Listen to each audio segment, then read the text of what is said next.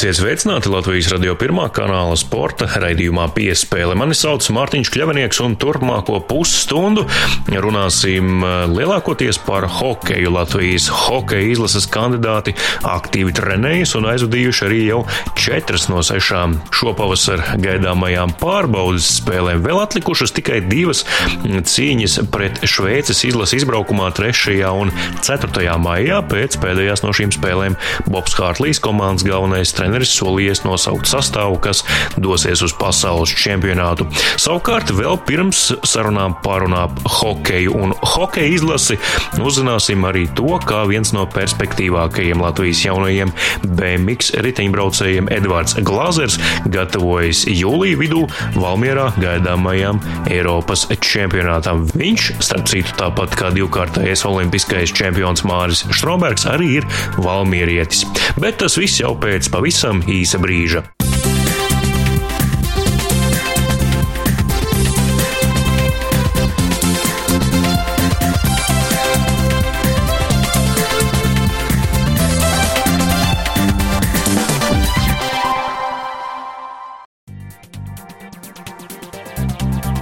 Jūsu radio uztvērējos skan sporta raidījums piespēle studijā. Es Mārtiņš Kļavinieks, un šoreiz sāksim raidījumu ar ieskatu kādā no vasarā gaidāmajiem lielajiem sporta pasākumiem. Aizvadītajā gadā Eiropas riteņbraukšanas savienība oficiāli lēma piešķirt Latvijai šī gada Eiropas BMX čempionāta rīkošanas tiesības.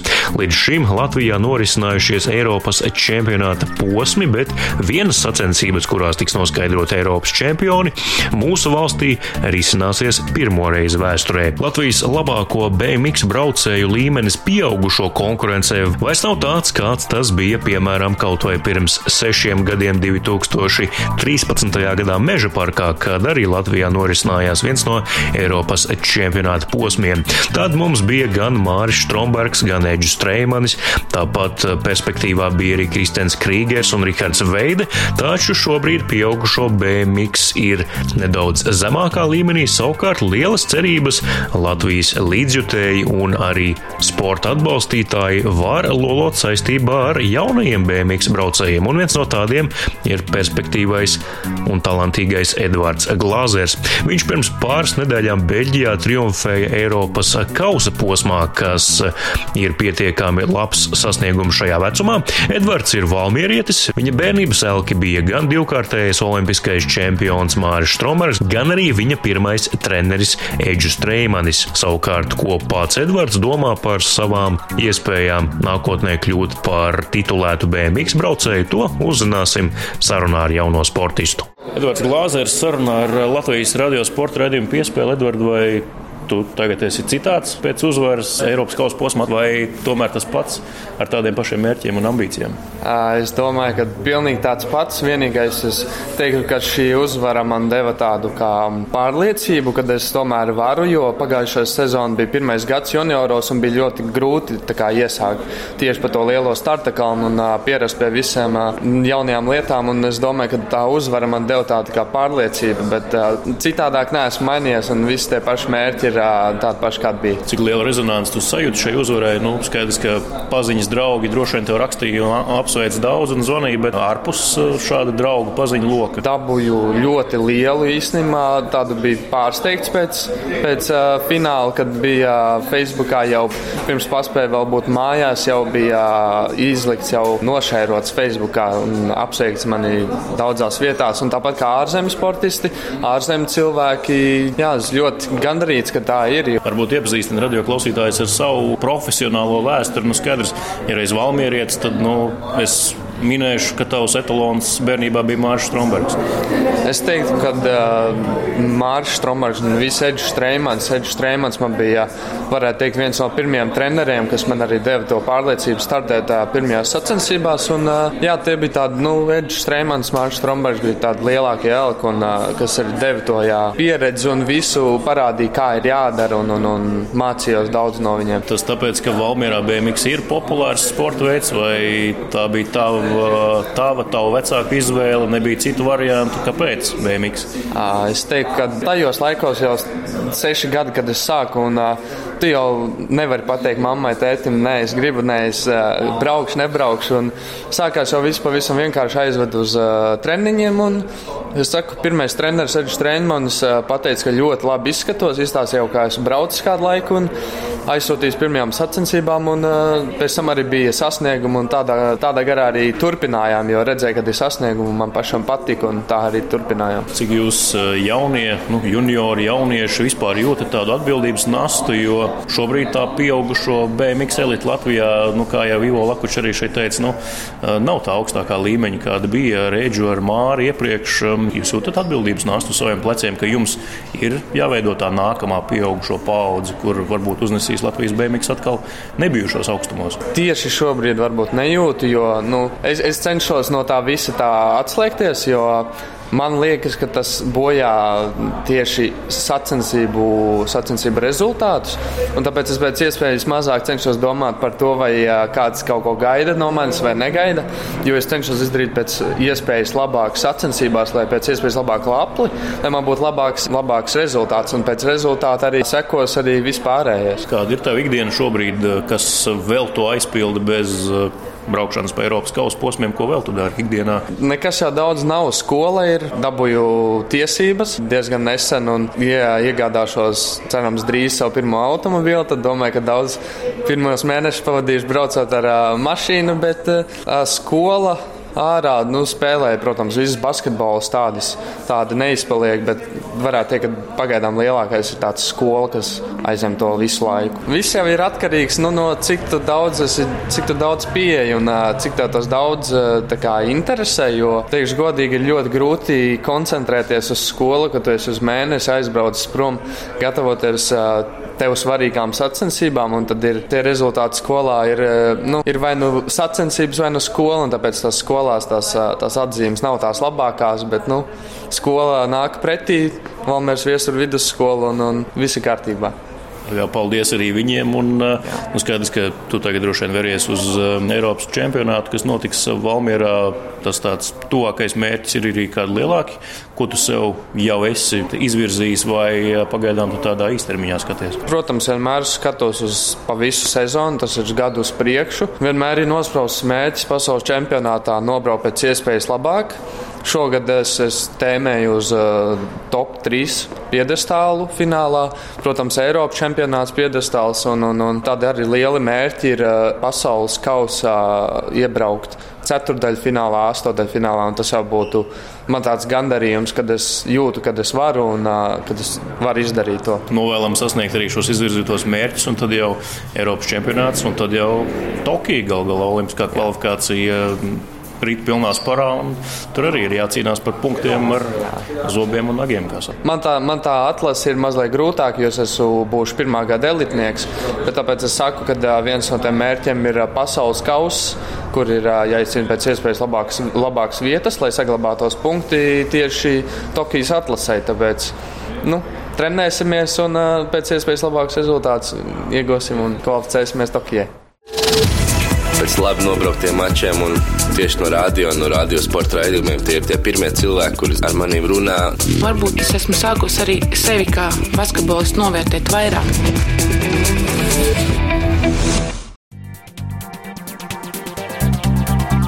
Jūs joprojām klausāties Latvijas radio pirmo kanālu. Sporta raidījums piespēle šobrīd ēterā. Turpinājumā kopā ar mani Mārtiņu Kļavinieku ieklausīsimies tajā, kā pasaules čempionātam gatavojas Latvijas hokeja izlase. Hokeja pavasars, var teikt, ir pašā plaukumā. Protams, kulminācija tam ir Latvijas izlases dalība pasaules čempionātā. Pasaules čempionāts Bratislavā sāksies jau 10. maijā, bet Latvijas komandai pirmā spēle 11. maijā Vācijā pret Austriju. Šobrīd komanda vēl tikai gatavojas, aktīvi trenējas. Galvenais treneris Bobs Kārtlīs kopā ar palīgiem vētīja kandidātus, kuri tad būs tie īstie ieroču nesēji, ar kuriem doties kaujā pasaules čempionātā. Aizvadītas arī četras pārbaudes spēles, divas pret Francijas braukumā, divas pret Krievijas izlasi savās mājās. Pirmā no spēlēm pret Krieviju bija īpaša ar to, ka pirms tās tika godināts 2004. gadā pāragri mūžībā brīvībā aizgājušais uzbrucējs Sergejs Žoltoks. Viņa 33. numurs tika pacelts pie arēnas griestiem, un ar to Latvijas izlasēja vairs nekad neviens nespēlēs. Hokeisti Rodrigo Ābols un arī Krišjānis Redlis atzina, ka šāda ceremonija, protams, bija emocionāls lādiņš pirms pirmās spēles ar Krieviju, un starp citu Krišjāns Redlis ir šī brīža Latvijas izlases kandidātu pulkā pieredzējušākais hokejists, un viņš no šī brīža izlases kandidātiem ir arī vienīgais, kuram bija tā iespēja laukumā izlases kreklā spēlēt kopā ar Sergeju Žoltogu. Bet vispirms aprunājos ar Rodrigo Ābolu, kad Sergejs devās aizsaulē. Rodrigo bija tikai astoņus gadus vecs un sakās daudz neko neatceramies no Žoltoka snieguma laukumā, taču viņš ļoti labi atceras to, ka 2004. gadā Žoltoks spēlēja Rīga 2000 komandā kopā ar Rodrigo tēvu, tagad Latvijas izlases treneri Ārti Ābolu. Pirms šīs spēles virs līdzjutēju galvām pacēlās 33. numurs un Žoltaka uzvārds. Pagājušajā gadā bija Artūrs Irbe. Nu, šādi pasākumi pirms pārbaudas spēlēm tas jūs paceļas pārnos. Šodien izskatījās, ka sākumā pacēlas pārnos tāda ceremonija. Nu, es domāju, tas ir nu, gan Sergejs, gan vispārējie krakli, kas ir pakārt. Tur ir bijuši Latvijas hokeja leģendas un ir katrs ieguldījuši savu kalnumu Latvijas hokejā. Un, kā, nu, tas, protams, ir lepnums, ka viņi ir latvieši un tas, kā, domāju, savā ziņā var, var pacelt mums. Kad Sergejs vēl spēlēja, tu biji pavisam mazs puika. Ko tu atceries no viņa darbībām uz ledus? Es atceros laikam tikai to pēdējo gadu tā tīri, kad uh, viņš spēlēja Rīgā 2000 kopā ar uh, manu tēti. Tāpēc tad jau kaut ko sāk bija šeit vairāk rubīt tā no tā hokeja un mazliet vairāk sekot līdzi. Nu, jā, nu, bija, bija labs spēlētājs, ļoti, ļoti labs spēlētājs. Un uh, rekur arī tajā video var redzēt, ka, ka viņš bija līderis un uh, ka saka, Latvijā tādi bieži spēlētāji tādi negadās un ir uh, tiešām žēl, kas notikās. Bet nu, no, no otras puses varbūt žēl, kas bija vēl bija pamazs, lai redzētu viņu visā krašanā. Bobs pēc spēles preses konferencē teica, ka visiem būtu jāsako Rodrigo Abolu, piemēram, kā ar kādu ziņas par viņš šodien devās lauku. Patīkam dzirdēt. Nu, nu, jā, nu, saku, nu, tā grūti pateikt, es negāju. Saku, doma kauties, tas nav mans, mans spēles stils, bet, nu, saku, Latvija, Krievija, principā spēle. Pats par sevi raksturā nepiekāpīgs esmu. Nu, tas pats, saku, ja man kāds kaut ko izdara, es nu, to tā neatstāšu, nepaiešu malā un atļaušu teikt, nu, labi, nāc, ņem, es negribu, es paiešu malā. Tā kā, nu, es domāju, ja tā visi spēlē, tas arī viņiem mazliet traucē. Viņus izcīt no psiholoģiskā ritma, ka viņi domā, ka viņi ir pārāk atbraukuši tam no SKA un CSK un domā, ka viņi var darīt, ko viņi grib. Baigā atšķirības ar pagājušo gadu nav. No, bija pagājušā gada vēl pats nezināja, kā, ko, kas būs un sanāca, ka savu vietu es izcīnīju. Un, tā, tā pārliecība, var teikt, sākās no pagājušā gada tā sagatavošanās posma. Ir, tā cenšos baigt neko savā spēlē nemainīt un arī tagad nesastādīt sev pārāk augstus mērķus, lai pēkšņi nav kaut kāds aprāviens un šoks, ka kaut kas nesanāk tā, kā gribētos. Puika atsūtīja īziņu, upi, tavi sapņi piepildās. Tā forma ir svarīga vairāk mēdījiem, skatītājiem, kā nu, mūsu sportistiem ir cita forma, sportiskā forma ir svarīga. Kristians Reiliks sarunā ar Latvijas radio sporta raidījumu piespēli pēc uh, pirmās no divām pārbaudas spēlēm ar Krieviju. Kriš, uh, šīs spēles sākums emocionāls, tika godināts Sergejs Žoltaks. Tu šķiet esi vienīgais no šī izlases modeļa, kuram bija tas gods ar viņu kopā arī uzspēlēt. Vai es nemaldos? Nu, varbūt no spēlējušo sastāvu, jā, tiešām bija emocionāls mirklis. Nav jau mums te izcēlē hokejas tik daudz. Līdz ar to tas bija viens no viņiem. Un, uh, jā, bija tiešām liels pagodinājums spēlēt kopā ar viņu. Kāda ir atceries uz laukuma, ārpus laukuma? Jā, nu, protams, gols pret zvēriem tas ir spilgtāk, bet man liekas, vispilgtāk ir pā, atmiņā palicis tas, ka vēl, kad vasarā kopā tur trenējāmies, nu, izlasi pirms, pirms sezonas arī mēs tur vācāmies. Tad arī atceros, ka 5. vidusskolā bija tā, ka mēs sadalās un tad būs spēlē. Un tad jau tajās it kā vasaras savstarpējās spēlēs viņš gāja uz maksimumu un arī visus kurināja. Nevis vienkārši paspēlēt, bet, bet tieši tā gatavoties tai sezonai un spēlēt normālu hokeju. Tas, tas, tas uh, vēlreiz parāda, ka viņš saka, gāja uz maksimumu. Vis, visās dzīves situācijās. Bija piemērs. Jā, visiem. tieši tā. Tieši tā. Un, ja viņš to saka, tad tur nevar tā vienkārši slidināties. Sākāt ar 0-2 vai precīzāk 2-0 no jūsu pozīcijām. Izskatās, ka nu, tas emocionālais lādiņš spēles sākumā deva arī savu rezultātu uz tablo. Nē, nu viennozīmīgi. Katrs gols jau dod to pozitīvu un uh, sākums labs sanāca. Es varu vienīgais pateikt to, ka jā, jāmācās uh, to tie trešajā periodā ar, ar to plus vienu spēlēt. Tas ir neat, neatņemama saka, pieredze. Tas nekas, ka tāds pretinieks pretī. Līdz ar to ir vēl, vēl, vēl, vēl koncentrētāk, vēl, vēl būt vienkāršāk jāspēlē. Tev arī šodien debija debija Boba Hārtlīja vadītā komandā. Kā bija spēlēt komandā, ko vada Bobs Hārtlīs? Jā, nu, arī treniņa process ir interesants. Jo pirms arī Boba, es saku, visas tās nianses apgūstu. Jā, ir pāris nianses, kur, pie kurām ir jāpierod. Arī man. Nu, uz ledus. nē, nē, tā varbūt nav tā nianses, bet kaut vai, kaut vai tas pats, kad pretinieks nāk pret maniem 2-1, ka man ir tā jāslīd jāmetās zemē un jāslīd. Un, tas ir viens no tiem, kas, jā, protams, es esmu profesionāls un to darīšu, bet tieši tā jānoķer tā, tā, tas, tas, tas, tā, tā, tā garša, tā nianses, kad, lai nav pagari, nav pa vēlu. Bez mazliet jāpārprogrammē savas tādas kā instinktīvās iemaņas, laikam, tās. Uh, nu, jā, tāpēc ir tie treniņi, kur, kur mēs arī visu to darām. Jā, atkal, atkal esmu profesionāls un uh, komandas spēlētājs, līdz ar to jā, es cenšos darīt to, ko treneris liek. Klau, no es arī Miķelim pagājušā gada čempionātā Herningā prasīju šo jautājumu. Tagad arī tev var uzdot, Jā. kā ir būt pieredzējušākajiem spēlētājiem komandā? nu, tas pienāk nemanot, ja, saucās. Protams, sirdī mēs esam nu, tāpatās 21 gadīgi. Visi tā kā uz laukumu tur nestāsta, kurš ir pieredzējušāks, kurš nē. Visiem jāskrien, jākapā. Nav slikti, nav slikti. Man patīk. Jāizbauda šī situācija. Bet tu jūti, ka tev nu, varbūt jāuzņemās tāda tēvišķa loma, kāds padoms jau dod pavisam jaunajiem, vai tu vairāk tomēr rādi uz ledus to, ko tu proti? un savu piemēru? Nē, nu kaut kādā jau, protams, ne tikai uz ledus jādod, jārāda piemērs, bet arī sadzīvē, zālē, ģērbtuvē. Tā kā, jā, jā, jā, protams, kaut kāda jāuzņemas tēva loma jau nē, bet kaut kāds piemērs jādod. Jā. Pozitīvais, protams. Divas treniņu nedēļas ir aizvadītas. Kā Krišāns Reiliks jūtas funkcionāli, fiziski kopumā pēc šīm divām nedēļām? Nu, oficiāli laikam divas, jā, bet pirms tam jau arī vēl trenējamies. Tā kā principā tās uh, Fran spēles Francijā ļoti, ļoti man patika, ļoti deva izspēlēties, izskrēdīties. Uh, ļoti labi tur jutos. Uh, tas bija tāds labs tilts uz šodienas spēli sanāks vairāk uzspēlēt, nezinu, bet eh, tas jau no treniņa atkarīgs. Bet, eh, jā, principā jūtos arī pateicoties eh, mūsu Erikam Satskam ļoti labi. Vai Bobs Hārlīs tevi ir uzaicinājis uz tādu sarunu acu pret aci, pārunāt kādas īpašas lietas vai nianses? Nu, vēl tieši uz acu uz acu vēl nav sanācis, bet nu, gan jau vēl priekšā cerams. Es ceru. Novēlam ieraudzīt tevi arī pasaules čempionāta sastāvā. Jā, nu, tāpēc es esmu šeit, ka centīšos to sasniegt mēs smagi strādājām. Mums bija viens mērķis, visiem viens kopējs. Esam pusceļā, vēl viens solīts palicis. Prieks, ka neslūdzām un noticējām sev, ka varam vinnēt.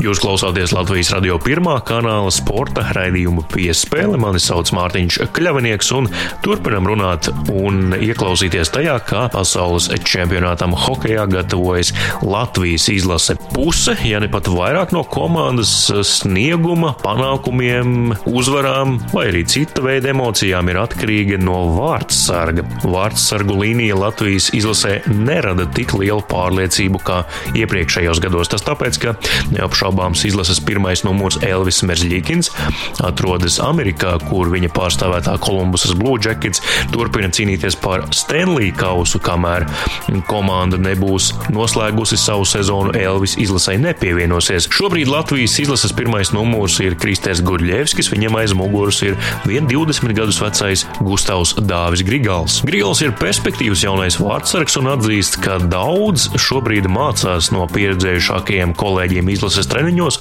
un arī no galvenā trenera Boba Hārtlija. Ikdienā Grigals pārstāv Nacionālās koledžu sporta asociācijas Amerikā Aļaskas universitātes komandu. Gustavs Dāvis Grigals pēc abām Krievijas spēlēm nu nesanāca jau tomēr tikt laukumā, bet uh, vai tu sajūti to garšu, kāda ir valsts vienības spēlēs un uh, nu, esot tur uz soliņa to, to atmosfēru? Jā, um, tas bija mans šīs sezonas mērķis tikt tieši uz izlasi un tikt tieši vismaz pasēdēt Latvijas, Latvijas spēlē pret Krieviju bija uz arēnā Rīga un vispār, kad pie piepildītām tribīnēm vienkārši sajūtas fantastisks, ka visa, visa arēna bļauj Latvija, Latvija skutiņas iet caur kauliem. Un, jā, un komanda arī cīnījās līdz pēdējiem un šodien vienkārši fantastiski. Tu visu laiku biji tādā, kādā, nu, tādā uztraukumā un gatavībā, ka varētu tevi likt vārtos, vai tomēr Bobs jau tev iepriekš bija kāds norādes devis, būs vai nebūs? Vakar tā nepārāk. Vakar es zināju, ka es diez vai spēlēšu, un šodien,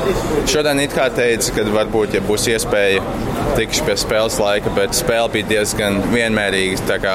Arī saprotu treneris, ka nu, baigi negribas riskēt. Un, un jā, nu, šodien bija bijis varbūt lielāks stresiņš, bet nu, gan es uzvaru. Vismaz šodien Bobs preses konferencē pēc spēles teica, ka tev esot gaiša nākotne hokeja, un viņš ar tevi jau pirms diviem gadiem esot pirmo reizi strādājis.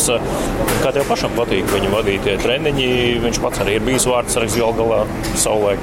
Jā, es atceros pirms diviem gadiem, kad bija tā pirmā, pirmā nometne ar viņu. Bija fantastiski. Tagad arī es pagājušajā gadā nebiju un šogad atbraucu. Katru dienu iemācos jaunas lietas. Ļoti, ļoti tāds vispusīgs treneris, kurš var visās dzīves situācijās var visu kaut ko jaunu iemācīt. Un gan es strādāju pie viņa, viņam patīk, ja, ja spēlētājs strādā, un uh, to arī es cenšos darīt. Es neko necenšos izdomāt jaunu, tikai strādāju un klausos viņam. Uh, šogad es esmu vairāk pier, pieredzi ieguvis tomēr ar labākajiem Latvijas spēlētājiem trenēties kopā, kad dienu to nevar izbaudīt. Un, uh, jā, tā pieredze, pieredzējuši spēlētāji apkārt mācos no viņiem, kā viņi ārpus ledus izturās, kā viņi atsildās, kā viņi iesildās. Visas tās. Es esmu vairāk varbūt iegūst to, kā attiek, attiekties pret uh, mūsu darbu. Skaidrs, ka tu neesi tikai vārdsargs un hokejs, bet tu arī saproti lietas, kā tas izskatās no malas. Nu, šobrīd jūs esat divi, tu un Kristers, un par Elvi ir lieli jautājumi. Var nojaust, ka tu brauks uz Bratislavu. Kādas tev pašam domas par un ap to? Es, ja godīgi, neesmu par to tik tālu domājis. Man, man pienāca Edgars Musāļs, kā teica, ka nu, Tagad ir situācija, ka mēs esam divi tā, un ka es esmu otrais, un es apzinos, ka nu, es esmu otrais. Man, es apzinos savu vietu, un uh, man ir, man ir uzdevums būt, būt aiz viņa un atbalstīt viņu un uh, būt gatavam lekt iekšā jebkurā momentā. Un, uh, aizbraukšu vai neaizbraukšu, to jau redzēs, bet nu, tagad es eju katru dienu, gatavojos un, uh, un jā, cīnos par savu vietu komandas sastāvā. Jā, bet 2013. gadā arī Edgars Musāļs bija numur viens. Kristers aizbrauca kā jaunais, otrais un šeku reku bez mazo izglābu čempionātu ar spēli pret Slovākiju un pārējiem mačiem. Jā, es tieši kaut kādas divas nedēļas vai nedēļu atpakaļ par to, atce, to tieši to brīdi atcerējos un rēķināju, cik, cik gadus vecs bija Kristers. Un, eh, bet, nu, daudz sakritību šajā gadījumā. Nu, ir sakritība, bet nu, par to man nav jādomā. Man galvenais jāiet uz priekšu. Tad jau redzēs, kā, kā viss izvērtīsies. Lau, noslēgumā, cik ļoti tev ir raļas, ka norūdījusi kā cilvēku, kā hokejistu, laikam jau vairāk kā cilvēku. À, jā, tas ir. Es esmu dzīvojot tur, es esmu mainījies, bijis kā cilvēks, savādāks skats uz dzīvi. Arī, arī augstuma ziņā esmu bijis norūdījies tā, ka es varu iziet ārā. Šeit tagad vienkārši šķiet, ka ir vienkārši karstums kaut kādā, nezinu, Turcijā esmu bez mazvai, bet, bet tā vispār man ļoti patīk. Visi apstākļi, hokeja ziņā, mācību ziņā ir fantastiski. Un katru dienu es tur cenšos augt, atrast jaunas lietas, ko darīt un attīstīties gan prātā, gan fiziskajos dotumos kā cilvēks. Tur. Cik ļoti viegli vai grūti bija sarunāt ar uh, mācību spēkiem, kad tevi palaiž uz šejienes? Es domāju, ka būs grūtāk, bet uh, parunājos ar savu akadēmisko padomdevēju, ar savu galveno treneri. Viņa teica, ka man jāiet runāt ar skolotājiem, jāiet runāt ar uh, noteiktiem cilvēkiem. Es visu to izdarīju. Man bija galvenais, lai viņi akceptē mani, lai es, es aizgāju ar savu plānu. Es viņiem iedevu savu plānu, kā es mācīšos, kā es visu skolu sakārtošu. Un jā, viņi bija ar to apmierināti un uh, laida mani, un savi darbi bija jāizdara. Tagad arī vēl kaut kas paralēli jāmācās, esot izlasē un treniņos. Jā, kad dienu tagad eju mājās, man tieši vēl šodien atsūtīja trīs kontrolu darbus. Vēl. Tie vēl šodien, šovakar būs jāpabeidz vai rīt, kad dienas nāk mācīties. Un trenēties. Tā, tas forši. tā, tā, tā puse, ko līdzutēji neredz, to viņi arī šobrīd var ieraudzīt caur tevis stāstīto, ka nav nemaz tik viegli izlasīt un mācības vēl arī apvienot. Nu, jā, ja, piemēram, es nevaru iziet ārā vai nu, satikties ar draugiem, varbūt nav tik lielāks laiks, bet nu, jā, vienkārši jāizdara savas lietas, tagad jākoncentrējas hokejam un mācībām, un pēc tā visa jau būs brīvais laiks, un tad jau varēs atpūsties. Skola ļoti lepojas ar to, ka Latvijas izlases kandidāts ir viņu komandas vārdsargs. Jā, viņi man viņi jau pirms braukšanas viņi jau, viņi jau apjautājās, kā, kā, kādas tev iespējas, ka viņi, ja tu tiks sastāvā, vispār būs baigi labi un ja tiks uz čempionātu. Un, jā, man galvenais treneris raksta, prasa, kā man iet, ko, ko es esmu iemācījies jaunu, kādas izredzes man ir un katru dienu viņš man raksta. Un skola diezgan labi lepojas, jo viņiem, viņiem vienīgais spēlētājs, kas ir tā pārstāvējis valsts vienība, ir Koltons Paraiko, kas spēlē Kanādas izlasē. Un es tā kā tas otrais, otrais gadījums var, var būt viņiem, un jā, viņi ar to lepojas. Novēlam, lai tu esi tas otrais gadījums. Paldies!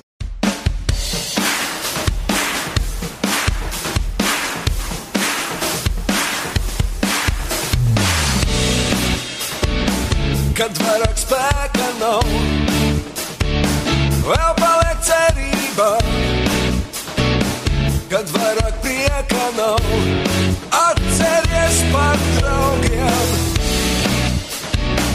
Kad vairāk laika nav,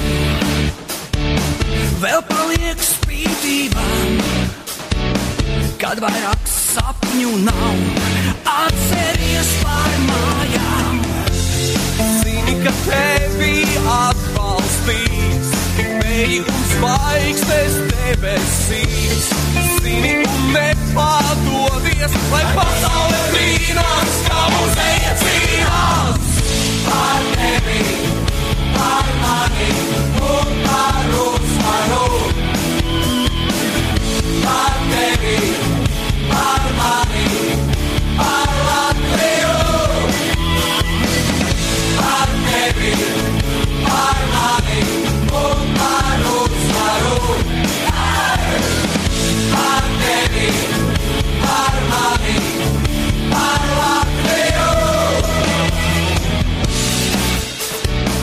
Kad vairāk liesmu nav, vēl paliek sirds kastā. Kad esi nokritis, piecelies un ciedi.